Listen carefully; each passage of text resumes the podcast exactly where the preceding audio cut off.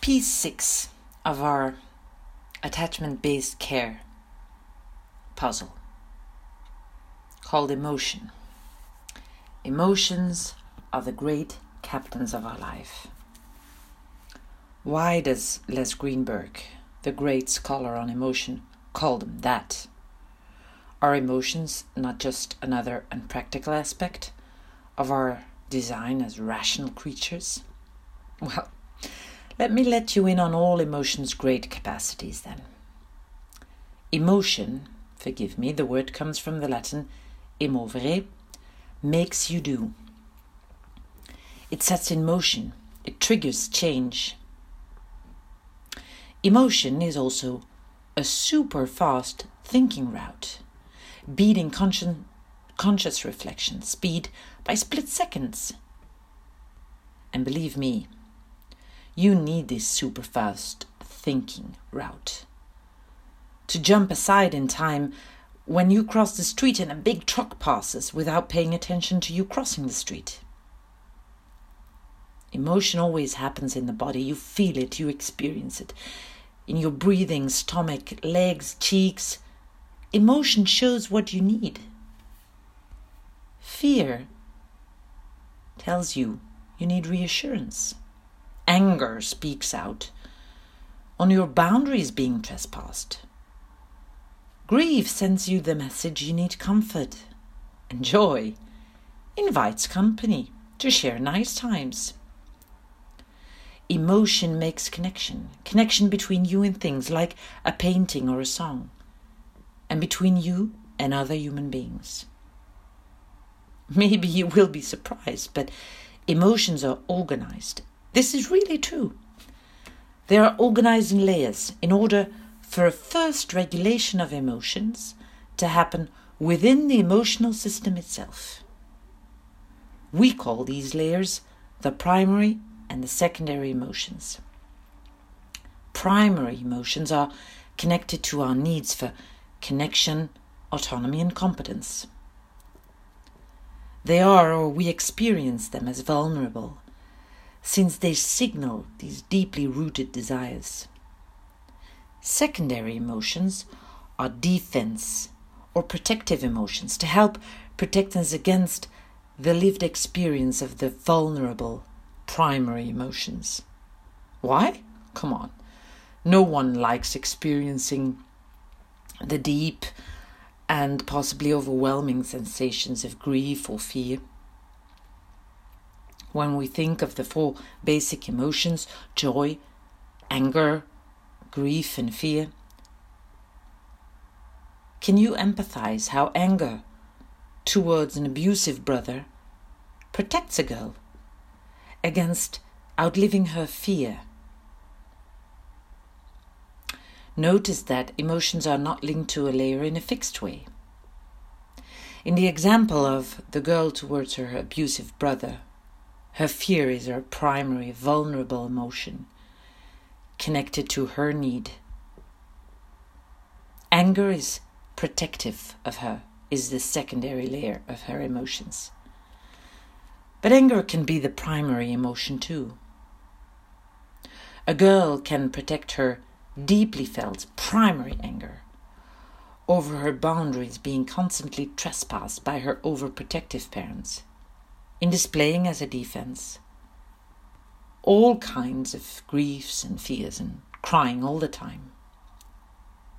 Yes, we are designed with this ability to experience, express, and regulate to a certain extent our emotions, but we need to learn all of this. We need to learn to discriminate, express, and regulate our emotions.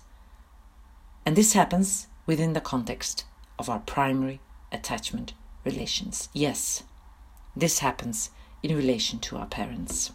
And yes, this is why we call primary attachment relationships the first and most important learning context in human life, where learning starts even before we become verbal beings. And yes, this is why emotion is so important when talking about attachment, when working attachment based. Probably you might have heard of the still face experiment.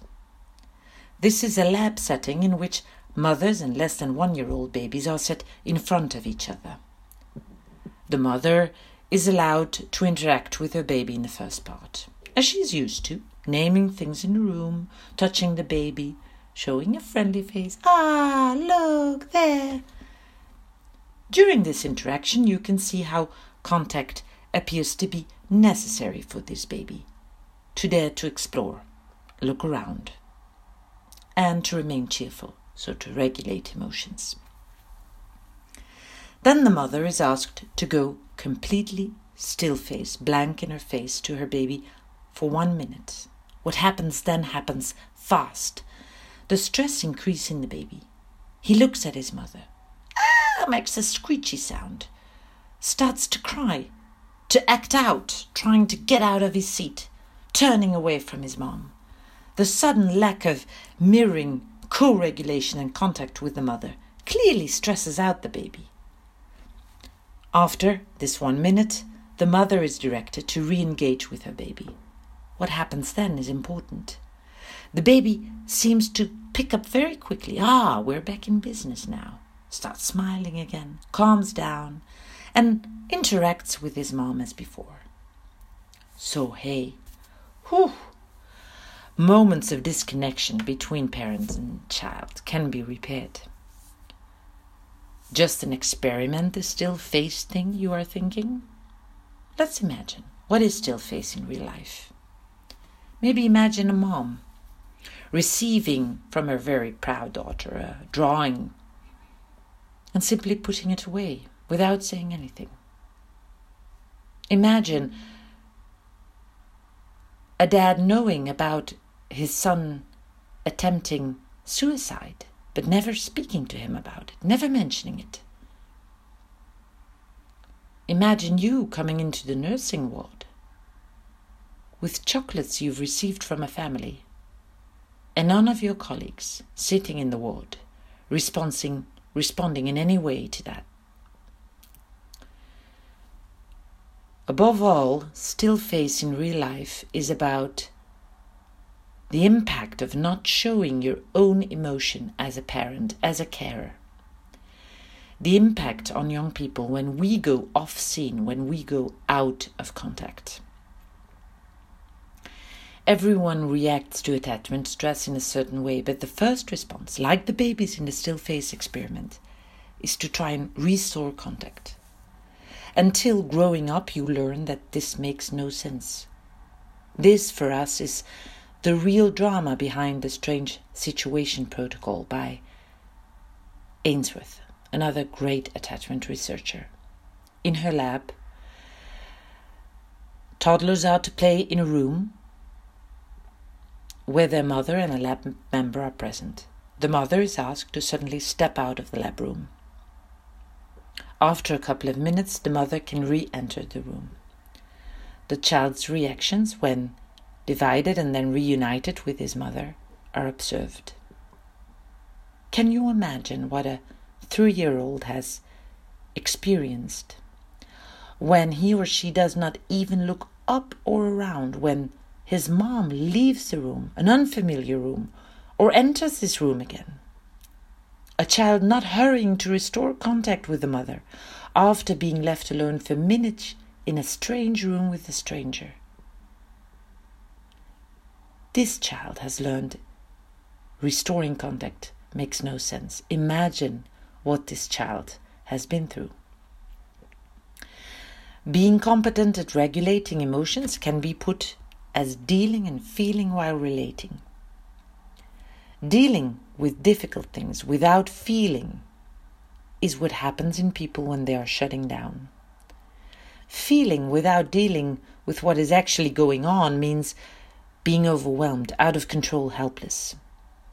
Okay, if by now you are convinced of the importance of emotion for us humans, then ask yourselves why do we tend to talk so much about cognitions and behavior in mental health care?